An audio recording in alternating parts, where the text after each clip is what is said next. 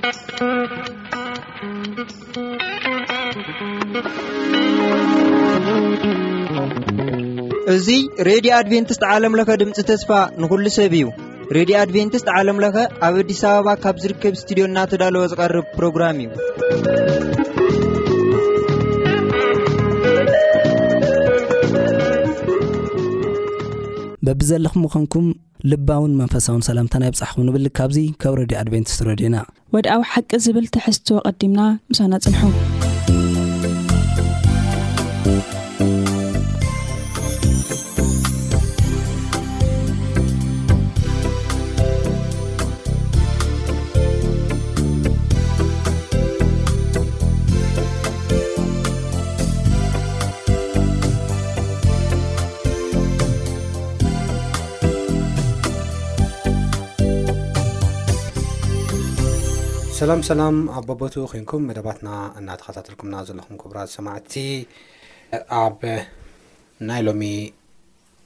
መደብና እውን ሓድሽ ሰንበት ትምህርቲ ከምቲ ብዝሓለፈ ቃል ዝኣተናዮ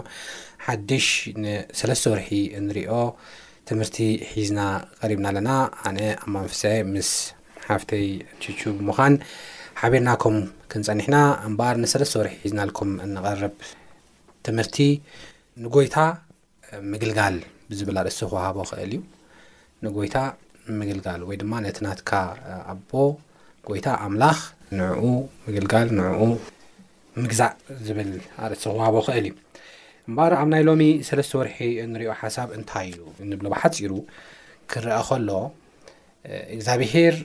ዓቢ ዝኾነ ፍቕሪ ሂብና እዩ ቀዳማ ዮሃንስ ምዕራፍ ስለስተ ፍቕዲ ሓደ ናይ ሎሚ ሰንበት ትምህርትና እውን መእተው እዩ ናይ ኣጠቓላሊ ናይቲ ንሰለስተ ወርሒ ንሪኦ ሰንበት ትምህርትና እውን ማእኸል ሓሳቡ እዩ እሞ እንታይ ይብል ረኣዩ ውሉድ ኣምላኽ ክንበሃል እቲ ኣቦ ከመይ ዝበለ ፍቕሪ ከም ዝሃበና ከምኡ እውን ኢና ስለዚ ከዓ ዓለም ንኡ ኣይፈለጠቶን እሞ ንኣና እውን ኣይትፈልጠናን እያ ረኣዩ ኣቦ ከመይ ዝኣመሰለ ፍቕሪ ሂብና ኣሎ ውሉድ ኣምላኽ ክንበሃል ከመይ ዝኣመሰለ ፍቕሪ ሂብና ኣሎ ይብለና ስለዚ ብውሉድነት ድማ እግዚኣብሄር ኣምላኽ ዘድልየና ኩሉ ናይ ምርካብ ኣክሰስ ናይ ምርካብ መንገዲ ዕድል እውን ሂብና እዩ ዓብ ፍቕሪ እዩ ተዋሂብና ዓብዪ ዝኾነ ምሕረት እዩ ተዋሂብና ዘይግባኣና ክነስና ሓጢኣተኛታት ክነስና ማለት እዩ ሶ ነዚ ነገር እዚ ነዚ ካብ እግዚኣብሔር ዝተዋህበና በረኸት ነዚ ካብ እግዚኣብሔር ዝተዋህበና ፍቕሪ ዓቂብካ ናይ ምሓዝ ግን ናትና ጉዳይ እዩ ዝኸውን ኣብ ዓለም ብዙሕ ዕንቅፋታት ኣሎ ካብ እግዚኣብሔር ከርሕቕ ዝኽእል ኣብ እግዚኣብሔር ብምድጋፍ ኣብ እግዚኣብሔር ብምእማን ነዚ ዕንቅፋታት ብምሕላፍ ምስ እግዚኣብሄር ዘለና ርክብ ኣስጢምና ክንከይድ ይግባኣና እዩ ቀደም እውን ኣዳምን ሄዋን እዮም እቲ ናይ እግዚኣብሄር ርክብ ተኺዳን ሴሮም ካብ እግዚኣብሔር ዝረሓቁ ሕጂ እውን ንሕና ከይንርሕቕ ብክርስቶስ የሱስ ምሕረት ተገይርና ኣሎ ብክርስቶስ የሱስ ምድሓን ተፈጺምና ኣሎ ስለዚ ንሕና እውን ከይንርሕቕ እቲ ምስ ኣምላኽ ዘለና ርክብ ከነስጥም ይግባኣና ምስ ኣምላኽ ዘለና ርክብ ኣስጢምና ኣብ ንቕጽለሉ እዋን እቲ እምነትና ናይ እግዚኣብሔር ፍቕሪ ካብ ዕለት ናብ ዕለት እናተረዳእና እቲ እምነትና እናጠንከረ ከም ዝመፅእ ኣብኡ ምድጋፍና እውን እናበለፀ ከም ዝኸይድ ዝርዳእ እዩ ማለት እዩ ሰለስተ ውርሒ እምበኣር ኣብዚ ዘተኮረ ትምህርቲ ይኸውን ማለት እዩ እምበኣር ናይ ሎሚ ናይ መጀመርያ ትምህርትና ኢና ንሪኦ። ናይ ሎሚ ናይ መጀመርያ ትምህርትና ከኣ እንታይ እዩ ዝብል? ኣካል ቤተሰብ ኣምላኽ ዝብል እዩ። ኣካል ቤተሰብ ኣምላኽ ኢኻ፣ ኣካል ቤተሰብ ኣምላኽ ኢኺ ዝብል ኢና ክንርኢ ማለት እዩ። ቅድም ኢለ ዘንበብክዎ ኣብ ቀዳማይ ዮሃንስ ምዕራፍ ሰለስተ ፍቕዲ ሓደ ዘሎ ሓሳብ እዩ ዘሎ እሞ እንታይ ይብል? ረኣዩ ውልድ ኣምላኽ ክንበሃል እቲ ኣቦ ከመይ ዝበለ ፍቕሪ ከም ዝሃበና ከምኡ ኢና ስለዚ ከዓ ዓለም ንዑ ኣይፈለጠትን እሞ ንሕና እውን ኣይትፈልጠናን እያ ዝብል እቲ ናይ መእተዊ ጥቕስና ማለት እዩ ስለዚ ቅድሚ ምጅማርና እግዚኣብሔር ምእንቲ ከምህረናን ክመርሓናን ሕፅር ዝበለ ጸሎት ክንጽሊ ኢና ንጸሊ ጎይታ ነመስግነካ ኣለና ቃልካ ከፊትና ኣለና እሞ ዝኸበረ ቃልካ ክትገልጸልና ንልምን ሰዓትናን ግዜና ንባርኮ ብጎይታና መድሓና ስ ክርስቶስ ስም ኣሜን ሕራይ ሓፍተይ ቹቹ ብምቕጻል ሎሚ ውልድ ኣምላኽ ናይ ምዃን ዕድላትን ሓላፍነታትን ሓላፍነቱን ኣለወይ ውልድ ኣምላኽ ድማ ናይ ምዃን ዕድላት እውን ኣሎ ኣፖርቹኒቲስ ዕድላታት እውን ኣሎ እሞ ናብቲ ናይ መጀመርያ ሕቶይ ክኣቶ ከለኹ ብዙሕ ግዜ ብዙሕ ሰባት እንታይ ብሉ እዮም ኣነ ሰብ ይብለይን ቤተሰበ የለውን ኢሎም ባይተዋር ክኾኑ ወይ ድማ በይኖም ክኾኑ ይረአ እዩ ይረአ እዩ እሞ መፅሓፍ ቅዱስ እንታይ እዩ ዝብለና ሕድሕድ ኣብዚ ዓለም ዘለዎ ሰብ እንታይ እዩ ዝብለና ሕድሕድ ሰብ ከመይ እዩ ኣብ ቅድሚ ኣምላኽ ዝረአ ዝብል ሓሳብ ትብና ኢኺ ማለት እዩ እና እዚ ከ እንታይ ማለት እዩ? ኣብዚ ሕዚ ክንርኢ ከለና እግዚኣብሄር ኣቦና እንዳኾንና ኢልና ክንርኢ ሃናስ ቤተሰብ ኣምላኽ ኢና። ኣምላኽና ንልፈጠሮ ኩሉ ኣቦ እዩ። ሃና ከዓ ውሉዱ ኢና ኢና ንብል ዘለና ማለት እዩ። ሕዚ እዚ ክንብል ከለና ግን ስኡልና ተልኢና ብነበረ ነበረ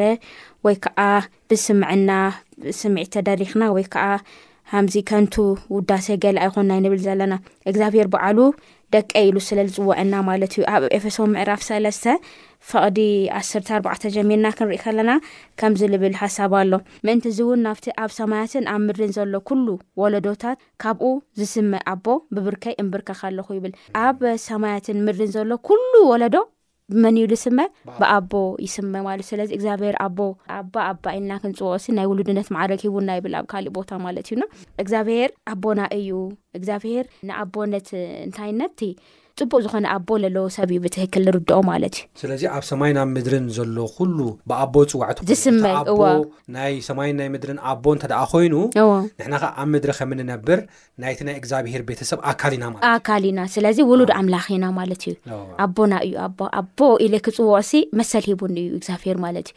ናይ እግዚኣብሄር ወዲ ኮይንካ ናይ እግዚኣብሄር ጓል ናይ እግዚኣብሄር ውሉድ ካብ ምዃን ላዕሊ ስታይ ኻሞ ትደሊ ስለዚ እዚ እዩ ዝነግረና ኣብዚ ቦታ እዚ ኣብ ካልእ ቦታ ከዓ ክርስቶስ እንታይ ኢሉ ነይሩ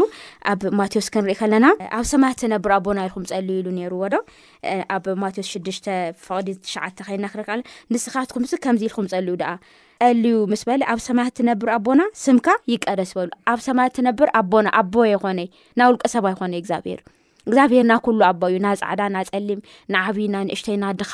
ናይ ሃፍታም ናይ ዘግታም ናይ ኩሉ ናይ ኩሉ ናልወደቀ ናይ ልዘኸመ ናይ ኩሉ እግዚኣብሄር እንታይ እዩ ኣቦ እዩ ስለዚ ኣብ ሰማያት ትነብር ኣቦና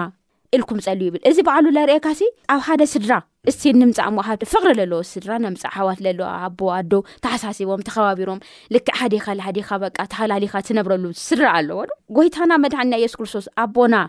እንታይ ልና ኣህናሲ ውሉድነትና ክንድኡ እዩ እዚ ነገር እዚ ተሂቡና ልብል እዩ ለወስደና ማለት ኣብ ሉቃስ እውን ከምኡ ኢልዎም ነይሩ ኣብ ሰማያት ትነብሩ ኣቦና ሽምካ ይቀደስ ኢልኩም ኣብ ሰማያት ትነብር ኣቦና ስለዚ ናይ ውሉድነት ማዕረግ ዝተዋሃበና ሰብ ኢና ማለት እዩ ክርስቶስ ከዓ ኣብ ዮሃንስ ክንሪኢ ከለና ዮሃንስ ኣብ ዮሃንስ ዕስራ እንታይ ኢሉ ነይሩ ካብ መቃብር ምስ ወፀ ኣነ ከካዲ እየ ካይደሲ ምስ ኣቦይ ናተይ ኣቦይ ኢሉ ክርስቶስ ከም ብበልክታ ጥቕሲ እዎ። ጽንታይሉ ኢየሱስ ከኣ ገና ናብ ኣቦይ ኣይደየብኩን እሞ ኣይትተንኪኒ ግናኸ ናብ ኣሕዋተይ ኪድ እሞ ናብ ኣቦይን ኣቦኹምን ናብ ኣምላኸይን ኣምላኽኩምን እድይብ ኣለኹ በልዎም ኣሜን በላ። ናብ ኣቦይን ኣቦኹምን ንኣምላኸይን ኣምላኽኩምን ማለት እዩ በቃ ሓናስ ምስ ጎይታና መድሓንና ኢየሱስ ክርስቶስ ሲ በቃ እንትን ናይ ውሉድነት ማዕረግ ዝተሃበና ኣሕዋት ኢና ማለት እዩ። ቤተሰብ ሓደ ኣምላኽ ኣቦ ኢና ዘለና ኣሕዋት ኢና ስድራ ኣምላኽ ኢና እዚ ከዓ በዚ ግዜ እዚ እዚ እዚ ስምዒት እዚ በዚ ግዜ እዚ ክንዳየናይ ከም እ፣ ዝጠቅም ኣነሲ ምስ ክርስቶስ ሲ ሓደ ሓደ ኣቦ ነየኒ ምስ ኣምላኽ ባዕሉ ሲ በቃ እቲ ውሉድ ኮይነ ክፅውዓሲ እዚ ኣቦ እዩ ዝኒኤኒ ማለት እዩ እና ንሱ ኸ ዓርከ እዩ ማለት ሓወ እዩ ወዶ ኣሕዋተ ኢሉ ክፅውእሲ ኣይሓፍርን ይብል ክርስቶስ ክዛረብ ከሎ ማለት እዩና ስለዚ ዓሰርተ ሰለስተ ዕብራውያንስ እንታይ ይብል ደጊሙ ከዓ ኣነ ኣብኡ ውከል እየ ይብል የሱስ ክርስቶስ ከም ብሓድሽ እኔኹ ኣነ እቶም ንኣምላኽ ዝሃበኒ ውሉድን ይብል እምበኣርሲ ይብል ኣሕዋት ክብሎም ኣይደፈረን ቁፅሪ ዓሰርተ ሓደ ጀሚረ ከም ድማ ማለት እቲ ዘቕድስን እቶም ዝቕድሱን ኩላቶም ካብ ሓደ እዮም በዚ ምክንያት እዚ ከዓ ስምካ ንኣሕዋተይ ክነግሮም ኣብ ማእከል ማሕበርን ክዝምረልካ እዩ ኢሉ ኣሕዋተይ ንምባሎም ኣሓፍርን እዩ ይብል ኣሕዋተይ ንምባል ኣሓፍር መን እዩ እዚ ኣምላኽና ጎይታና መድሃኒና የሱስ ክርስቶስ ማለት እዩ ስለዚ ሕሰብዎማ ምስ ኣምላኽ ምስ እግዚኣብሔር ኣብ ምስ እግዚኣብሔር ወልድ ምስ እግዚኣብሔር መንፈስ ቅዱስ ኣሃዱ ኣምላኽ ብሓደ ሰለስተ ብ ሓደ ዝኾኑ ኣካላት እሞ ኸኣ ናይ ጎይታ ጎይቶት ዝኾነ ናይ ፍጥረታት ኩሉ ንጉስ ምስ ዝኾነ ናይ ነገስታት ኩሉ ንጉስ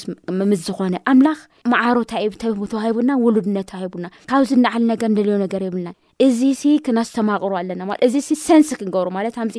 ብደንቢ ክርድኣና ኣለዎ ናይ እግዚኣብሔር ኣቦነት ማለት እዩ ካብኡ እዩ በቃ ውሉዱ ምዃንና ምስ ተረድአና ብፍቕሪ ኢና ንግዝኦ ንእግዚኣብሄርና ሓና ስድራ ኣምላኽ ኢና ብተፃራሪ ግን ብዙሕ ግዜ እንታይ እዩ ይመፅ መሲሉ ካብ ፍጥረት በቃ ኣብ ዝኾነ ቦታ ፈጢሩ ዝኾነ ኣካል በቃ ኣቢሉ ካብኡ ገዲፉ ልካደገለ ይብሉ ይብሉ ሳይንሳ እዚ ብከምኡ ዓይነት የምህር እዩ መፅሓፍ ቅዱስና ግን ክነግረና ከሎ ኣብ ዘፃኣት ምዕራፍ ሰለስተ ፈቐዲ ዓሰርተታ ይብ እምበኣር ሕጂ ንዓ ንህዝበይ ደቂ እስራኤል ካብ ግብፂ ክተውፅኦም ናብ ፈርኦን ክልእኸካ እየ በለ ንህዝበይ ደቂ እስራኤል ካብ ግብፂ ሙሴ ድማ ንኣምላኽ ንፈርኦን ዝኸይድን ንደቂ እስራኤል ካብ ግብፂ ዘውፅእን ከ ኣነ መን እየ በሎ ቁፅሪ ዓስርተ ቁጥሪ ዓሰርተ- ንህዝበይ እዎ እዎ፣ ንህዝበይ ንህዝበይ ካብ ባርነት ቤት ክተውፅኦም ይበሎ ህዝበይ ደቀይ ናተይ እናበለ እዩ እግዚኣብሔር ዝፅውዐና ማለት እዩ ኣብ ሕዚ ሓሙሽተ ሓደ ሓሙሽተ ሓደ ድማ ድሕሪ ድማ ሙሴን ኣሮን ናብ ፈርኦን ኣትዮም በልዎ እግዚኣብሔር ኣምላኽ እስራኤል ከምዚ ንህዝበይ ካብ በረኻ ክለዓል ክገብርሉ ይሕደጎም ከብዕልዎ ካብ ኣብ በረኻ ካይዶም ንህዝበይ ወዶ ንህዝበይ ህዝበይ እናበለ ይፅውዐና ማለት እዩ ምን እዩ ዚ እግዚኣብሔር ማለት ናተይ ዋኒነቱ ሲ ናተይ ዝኮነ ናተይ ዝኾነ ናብ ዝብል እዩ ዝወስደና ማለት እዩ ኣብ ገላትያ ሰለስተ ዕስራን ሽዱሽተን ከዓ ካይና ክንርኢ ከለና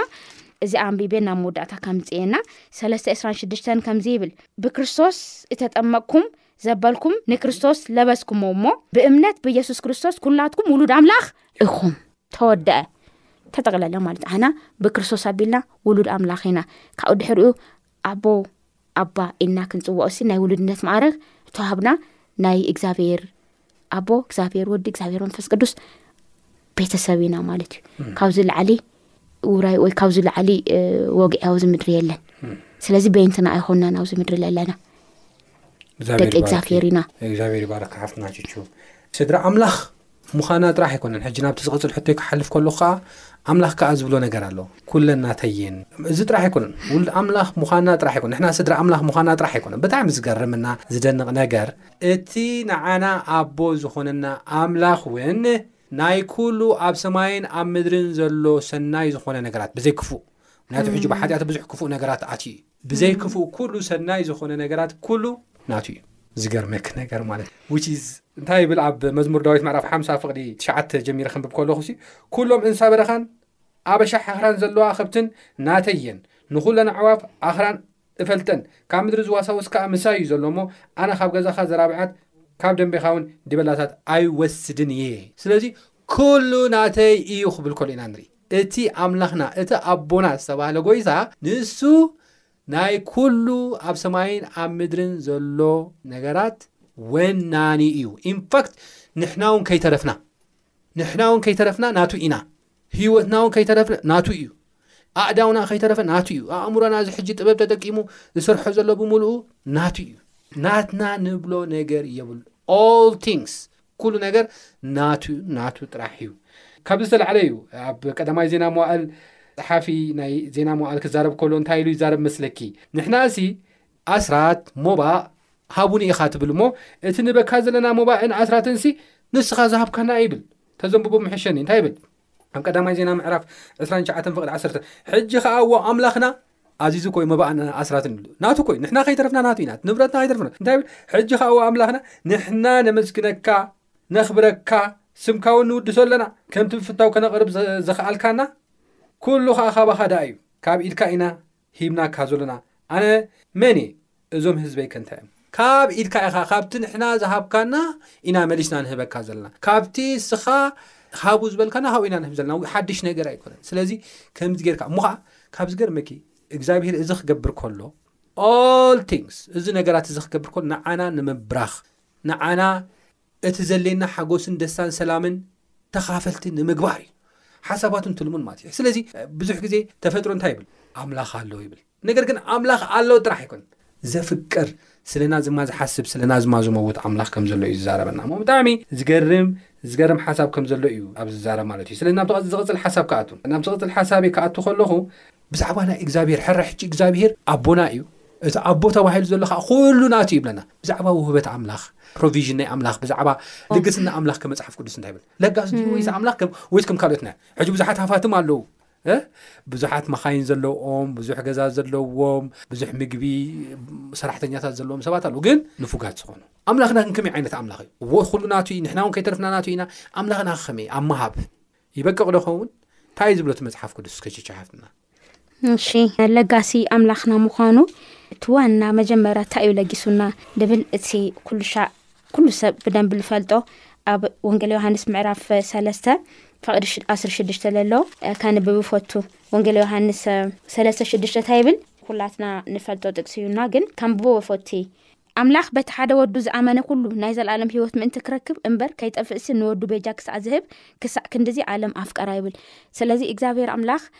ልሃበና ጸጋታት ኣሎ ማለት እግዚኣብሔር ውሃቢ እዩ እግዚኣብሔር ንፉግ ኣይኮነን እግዚኣብሔር ዝኾነ ነገር ቋፂሩ በቃ ንዓይ ንዓይ ናበለ ልህዝ ኣምላኽ ኣይኮነን ልብል ነገር ክንሪኢ ከለ ናይ መጀመርያ እንታይ እዩ ክርስቶስ የሱስ ሂቡና ኣምላኽ ከሎ ማዕሪ ኣምላኽ ከሎ ከም ሰብ ተፈሲሉ ኣብ ምድሪ ክወርድ እንታይ ገይሩ ሂቡና ማለት እዩ ካብዚ ላዕሊ ውህበት የለይ ማለት እዩ ካብዚ ዝበልፅ ሲ ካብ ዝበልፅ ፍቅሪ የለን ካብዚ ዝበልፅ ውህበት የለን ማለት እዩ ስለዚ ወዱ ቤጃ ክሳብ ዝህብ እንታይ ገይሩና ኣፍቂሩና እዚ ሓደ ነገር ከም ዝኾነ ንርኢ ማለት እዩ ኣኡ ኣብ በዓሉ ዮሃንስ ሓደ ዓሰርተ ክልተ ከዓ እታ ይብለና ነቶም እተቀበልዎ ዘበሉ ኩሎም ብስሙ ንዝኣምኑ ግና ውሉድ ኣምላኽ ንኾኑ መሰል ሃቦም ጎይታና መድሕኒ የሱስ ክርስቶስ ቤጃ ክኸውንና ምድሊ ተሃበ ውህበት እንታይ ዝገብር እዩ ነቶም እተቀበልዎ ዘበሉ ንኩሎም ብስሙ ንዝኣምኑ ግና ውሉድ ኣምላኽ ንክኾኑ ስልጣን ስለዚ ውሉዳት ኣምላኽ ድክንከውን ዝተሃበና ስፆታ መኒዮ ክርስቶስ ኣሎ ማለት እዩ ካብኡ እዚ ናይ ህይወት ውህበት እዩ ምክንያቱም ብወዱ ብክርስቶስ የሱስ ዝኣመነ እዩ ሂወት ዝረክብ ማለት እዩ ሂወት ሂቡና ማለት እዩ ብወዱ ኣቢሉ እንታይ ሂቡና ጠፍኣና ከለና ሞትና ከለና ተፈሊና ከለና ሲ ሂወት ከም ዝሃበና ኢና ንርኢ ማለት እዩ እዚ እዩ እቲ ወንጌል እዚ እዩ እቲ ምድሃን እዚ እዩ እቲ ዓብዪ ስጦታ ማለት እዩ ካብኡ ወሲክና ከዓ ንኡ ክንርዳእ ከዓ እንታይ ገይሩ መንፈስ ቅዱስ ሂቡና እንታይ ይብለና ኣብ ማቴዎስ 6ዱሰ3ላሳሰለስተን እስኹም ሲ ኣቐዲምኩምስ መንግስትን ጽድቅን ኣምላኽታ ግበሩ ድለዩ ካሊእ ኩሉ ተገረልኩም እዩ ክውስኸኩም እዩ ንክርስቶስ የሱስ ድለይዎ ብኡ ዕረፉ እቲ ካሊእ ግን ተገረልኩም እዩ ክውስኸኩም እዩ እዚ ውበት ግዜ ካብ እግዚኣብሄር ዝተዋህበና እዩ ማለት እዩ እግዚኣብሄር ጓሳ እዩ ይብልዎ ዶ ኣብ መዝሙር እስራን ሰለስተን ሓደን እግዚኣብሄር ጓሳ እዩ ዝጎለኒ የብለይ ስለዚ ን ሃላዊና ኮይኑ ጠጠው ኢሉና ማለት እዩ ካሊእ ከ ኣኡ ኣብ መዝሙር ሰላሳን ሸውዓተን እስራን ሓሙሽተን ዝተኣማና ኣንብበለይ ሰላሳን ሸውዓተን እስራን ሓሙሽተን ንእሽቶይ ነበርኩ ኣሪገ ኸኣ እኔኹ፣ ግናኸ ጻድቕቲ ሓዲጉን ዘርኡን ጌረ ኽልምኖም ከቶ ኣይረኣኹን። ኣሜን ኣብዚ እንታይ ኢና ንርኢ ኣለና እግዚኣብሄር ሲ ጓስኡ ዝኾነ ሰብ እግዚኣብሄር ኣምላኹ ዝኾነ ሰብ ዝጎሎ የብሉን ጻድቅ ክልምን እንጀራ ክልምን ርእየ ኣይፈልጥን ይብለና ማለት እዩ እቲ ካሊእ ከዓ ኣብ ፊልፒ ኣርባዕተ ዓሰርተ ትሽዓተ ከዓ እንታይ ይብለና ኣርባዕተ ዓሰርተ ትሽዓተ ከምዚ ይብል ኣምላኽ ከዓ ከምቲ መጠን ሃብቱ ብክብሪ ብክርስቶስ የሱስ ገይሩ ድልየትኩም ዘበለ ክመልኣልኩም እዩ ይብል ማለት ብክርስቶስ የሱስ ኣቢሉ ይብለና ማለት እዩ ስለዚ ነዚኦም ኩሎም ሒዝና ክንርኢ ከለና ክርስቶስ የሱስ ኩሉ ነገርና እዩ ማለት እዩ ካብ ውህበት ኩሉ ብሉፅ ዝኮነ ውህበት ማለት እሱ ተልዩ እንታይ እኒኦ ማለት ኣቀዲምና መንግስትን ፅድቂ እንተወሲድና ጓሳና ንኡ ተገብርና ካብ ከዓ ንኡ ንኣይ ዝኣመነ ሰብ ክወድቅ ክጠፍእ ከብል ኣይረኣኹን ይብለና ማለት ስለዚ ብክርስቶስ የሱስ ኣቢሉ ኩሉ ተሂቡና መንፈስ ቅዱስ ተሂቡና ዘለና ለበለ ቁሶላ ለሊ እናለበለ እንታይ ልገብር ኣምላኽ እዩ ድመልኣልና ኣምላኽ እዩ ኣዘም ዝለንበብና እዩ ማለት እዩ እንታይ ይብለና እዛ ደጊመ ኣምላኸይ ከዓ ከምቲ መጠን ሃብቱ ብክብሪ ብክርስቶስ የሱስ ገይሩ ድልትኩም ዘበለ እንታይ ይገብር እዩ ክመልኣልኩም እዩ ይብለና ማለት እዩ ስለዚ ካብዚ ላዕሊ ውበትታይ ንኤናዓና ብጣዕሚ ማንም የለን ውበት እዚ ግን ምፍላጥ ኣገዳሲ እዩ ኣገዳሲ እዩ ማለት እዩ። እወታ ኣነ ክብላ ዝሓሰብኩ ሕጂ እውን ከምኣ እያ ወሪዲ ተናኻኺፍክለይ ኢኺ ስለዚ እግዚኣብሄር ለጋስ እዩ ለጋስ ዝብል ቃል እውን ኣይገልጾን እዩ ምናልባት ካልእ ቃል ተትርከብ ካብ ለጋስ እውን ንላዕሊ ምክንያቱ ማንም ሰብ ንዝፈትዎ ምሃብ ልሙድ እዩ ንዝጸልኦ ሰብ ንዘድምዮ ሰብ ንዝቐትሎ ሰብ ኣብ መስቀል ንዝሰቕሎ ሰብ ግን ህይወት ምሃብ ግን ከቢድ እዩ ናይ ኣምላኽ ውበት ይፍለ እዩ ንዝጸልእዎ እዩ ህይወቱ ሂቡ ንዝቐትልዎ እዩ ህይወቱ ሂቡ ንዘሳድድዎ እዩ ህይወቱ ሂቡ ንኸሰስቱን ንፈተንቱን እዩ ህይወቱ ሂቡ ንፍለ እዩ ሃፍታም እዩ ብኡ ልክዕ ከዓ ለጋስ እዩ ወሃቢ እዩ ንሕና ንክንድሕን ህይወቱ ዝሃበ እዩ ካልእ ትሕቲ ህይወት እዩ ሽቹ ሓፍተይ እንጀራ ገለ ትሕቲ ህይወት እዩ እቲ ዝለዓለ እቲ ዝለዓለ ጫፍ ይሂብና የሱስ ክርስቶስ እቲ ዘሎ ጫፍ ይሂብና እሞ ናይ ኣምላኽ ልግስና ይፍለዩ ብጣዕሚ ዝገርም ሓሳብ እዩ እምበኣር ንሕና ካባና ዝፅበ ነገር እንታይ እዩ ሕዚ ርግ ዝበለ ኣብ ሓደሓደ ሰባት ዝህቦ ሓሳባት ክርኢ ከለኹ ምናልባት እግዚኣብሔር ዶ ይደሊ ኸውን ኢሎም ብገንዘብ ዝተፈላለየ ነገር ንንእግዚኣብሔር ንምሕጓስ ኢልካ ማለት ምሕጓስ ኢሎም ዝግብሮ ነገራት ኣሎ እስ መሃብ ፅቡቅ እዩ ምልጋስ ፅቡቅ እዩ ግን ንኣምላኽ ከምዚ ኢልካ ምትላል ብኣእምሮኻ በቲ ተሓሳስብኻ ከምዚ ኢልካ ምትላል ንኣምላኽ ንክርህረ ንከምዚ ንክርህረ ተኣሽሙ ክገብር ራህርሂልና ኮይ ሂቡት ይብና መጽሓፍ ቅዱስ ከኣ እንታይ እዩ ዝብለና? ወ እስራኤል ሕጂኸ ንእስራኤል ዘይሃቦ ነገር የለ ሕጂኸ ንእግዚኣብሔር ኣምላክ ከትፈርሆ ብኩሉ መንገዲ ክትመላለስ ንእግዚኣብሔር ኣምላክካ ድማ ከተፍቅር ብኩሉ ልብኻን ብኩሉ ነፍስኻን ከተገልግሎ ምእንቲ ከጸብቐልካ ዝለሚ ዝእዘካ ዘለኹ ናብ እግዚኣብሔር ትእዛዝን ሕጋጋትን ክትሕሉ እንተዘይኮይኑ ሲ እግዚኣብሔር ካባኻ ዝደልዮ ነገር እንታይ እዩ ኩሉ ናቱ እዩ ንስኻ ናቱ እኻ ባዕልኻ ኢድካ እግርኻ ርእስኻ ብምሉኡ ኮላሊትካ ናቱ እየን ገንዘብ ካብ ኢድካ ዘሎ ናተይ እዩ ትብሎ ናቱ እዩ እንታይ ኢኻ ክትህቦ? ቀዲምና እኮ ኣንቢብናዮ ቀዳማይ ዜና መዋእል ምዕራፍ ዕስራን ትሽዓተን ፍቕዲ ዓሰርተ ኣርባዕተ። ምንም ትህቦ ነገር የብልካን። ኦፍ ኮርስ ሃቡኒ ስለ ዝበለ ሞባእን ዕሽርን መ- መልሱለይ ስለ ዝበለ ንምልስ ኢና ከም ሕጉ ናቱ ስርዓት ስለ ዝኾነ ግን ካብዚ ንላዕሊ ንዕኡ ንምዕሻው ኢልካ ትገብሮስ እንታይ እዩ? ኩሉ ናት- ናቱ ኢና። እንታይ ዳይ ካባና ዝደሊ? ካባና ዝደሊ ነገር እቲ ቀዳማይን ቀዳማይን ንእግዚኣብሔር ኣምላኽና ከነፍቅር እዩ። እቲ ካልኣይ እቲ ካልኣይ ንእግዚኣብሔር ኣምላኽና ክንፈርሖ እዩ። እዚ እዩ ዝደሊ እግዚኣብሔር ካባና እቲ ምፍቃር ከንታይ ማለት እዩ እቲ ምፍቃር ከንታይ ማለት እዩ ክንብል ከለና ኣብ ቀዳማ ዮሃንስ ምዕራፍ ቀዳማ ዮሃንስ ምዕራፍ ሓሙሽተ ፍቅዲ ስለስተ ማለት እዩ እንታይ ይብለና ፍቅሪ ንኣምላኽ እዚኣ እያ ፍቅሪ ንኣምላኽ ትእዛዛቱ ንክንሕሉ እዩ ይብለና ኣምላኽ ኣፍቅረካ የፍቅረካ እየ ስለ ዝበልካ ኣይኮነን ትእዛዙ ክትሕሉ ኣለካ ብመንገዱ ክትከይድ ኣለካ ኣየናይ ትእዛዙ እቲ ኣብ መጽሓፍ ቅዱስ እተገልጸ ትእዛዙ ዓሰርተ ትእዛዙ እቲ ኣብ ማቴዎስ ምዕራፍ 22 ተገሊጹ ዘሎ ንእግዚኣብሔር ኣምላኽካ ብምሉእ ልብኻ ምፍቃር ንብጻይካ ድማ ክርስቶስ ከምቲ ዘፍቀረካ ጌርካ ከምቲ ኣብ ቀዳማ ዮሃንስ ምዕራፍ 1334 ዝብሎ ከምኡ ጌርካ ምፍቃር እዩ እዚ እዩ ዝደሊ ኣምላኽ እወ እግዚኣብሔር ብምሕረቱን ብለውሃትን በጺሒካ ኣሎ እወ እግዚኣብሔር ብምሕረቱን ብለውሃትን ሕጂ እውን ኣንቢርካ ኣሎ እወ እግዚኣብሔር ብለውሃቱ ኣቑሙካ ኣሎ ስሙ ክጽውዕ ገይረካ ኣሎ ክብሪ ንስሙ ይኹን ስለዚ እዚ ለጋስ ኣምላኽ ካባና ዝደልዮ ነገር ተሃለወ ምናልባት ሓንቲ ሓሳብ ጥራሕ ክህብ እሞ ክውድእ ችቹ ሓፍተይ ምናልባት ሕጂ ሬድዮታትና ትሰምዑ ዘለኹም ሰባት ኣብ ብዙሕ ተስፋ ምቕራፅ ዘለኹም እንታይ ሂብኒ እንታይ እሞ ገይርለይ እንታይ እሞ ሰይጣን ኩሉ ግዜ ጎደሎኹም ብምርኣይ እንታይ እሞ ገይርለይ እስኪ እስኪ ንገረኒ ኣነ ከምዚ ኮይነ ከምዚ ኮይነ ትብሉ ሰባት ክትህልዎ ትኽእሉ ኢኹም ናይ እግዚኣብሔር ውበት ልዕሊ ኩሉን ልዕሊ ኩሉን ሓደን ሓደን እዩ ዘለዓለማዊ ህይወት ሂብካ ኣሎ ብክርስቶስ ብምእማን እትረኽቦ ዘለዓለማዊ ህይወት ሂብካ ኣሎ ምድራዊ ህይወት ገንዘብ ኣሽሓት ይሃሉካ ንብረት ይሃልኻ ሙሉእ ኣካል ይሃሉካ ጎደሎ ኣካል ይሃሉካ ኩሉ እንታይ እዩ ጠፋይ እዩ ጠፋይ እዩ መዋቲ እዩ ገዲፍካዮ ትኸይድ ኢኻ። እቲ ክርስቶስ ዝሃበካ ዘዳለወልካ ህይወት ግን ዘለኣለማዊ ህይወት እዩ። ኣብኡ ስንክልና ዝበሃል ነገር የለን። ኣብኡ ጎደሎ ኣካል ዝበሃል የለን። ሙሉእ ኣካል እዩ፣ ሓድሽ ኣካል እዩ፣ ዘይብስብስ ኣካል እዩ። ኣብኡ ዘዳለወልካ ህይወት ድማ ዓይኒ ዘይረኣየቶ፣ ልቢ ሰብ ዘይተሓስበ፣ እዝኒ እውን ዘይሰምዓቶ እዩ። እዚ ይህብካ ዘሎ ንዓኻ። ስለ ዘፍቀርካዮ ኣይኮነን፣ ብክርስቶስ የሱስ ግን ስለ ዘፍቀረካ ጥራሕ ሂብካ ዘሎ እሞ በዚ ክትሕጎስን በዚ ባህ ክብለካን ይግባእ እዩ ዝብል እምነት እዩ ዘለኒ ሓፍናቹ ምናልባት ክርስቶስ ካብ ዝመሰሎ ምስላታት ሓደ ምስል ኣለ ኣነ ብጣዕሚ ዝምስጠኒ ኣብ ማቴዎስ ምዕራፍ 6ዱሽ ብ 1ሸ ክሳብ 2ራ ሓደ እሞ እዚ ምስላ እዚ ብዛዕባ ናይ መንግስቲ ሰማያት እዩ ከምቲ ቅድም ኢለ ዝበልኩ ሓፍናቹ መንግስቲ ሰማያት መዝገብኩም ገለ ዝብሎ ነገራት ኣሎ። እዛ ምስላ እዚኣ ከመይ ኢኺ ትርእያ ብፍላይ ኣብ ማቴዎስ ምዕራፍ ሽዱሽተ ፍቕዲ ዓሰርተ ትሽዓተ ዘላ እስከ ንርኣያ ምስ ናይ ሎሚ ሓሳብና ስለ ትዛመድ። ጽቡቕ ኣብ ዕስርተ ትሽዓተ ጀሚርና ሽዱሽተ ዓሰርተ ትሽዓተ ከምዚ ይብል መዝገብካ ኣብ ዘሎ ኣብኡ ድማ ልብካ ኣሎ ስለዚ ብልዒ ኣብ ዘይበልዖ ነቐዝ ከኣ ኣብ ዘየንቅዞ ሰረቅቲ ኩዒቶም ኣብ ዘይሰርቅዎ ኣብ ሰማይ ደኣ መስገብ ግበሩ እምበር ብልዒ ኣብ ዝበልዕዎ ነቀጽ ኣብ ዘንቅዝዎ ሰረቅቲ ኩዒቶም ኣብ ዝሰርቅዎ ኣብ ምድሪ ንኣኻትኩም መስገብ ኣይትግበሩ ይብለና መስገብ ኣብ ዘለዎ ኣብኡ ድማ ልብኻ ኣሎ እዩ ተዋና ሐሳብ ማለት እዩ ሕዚ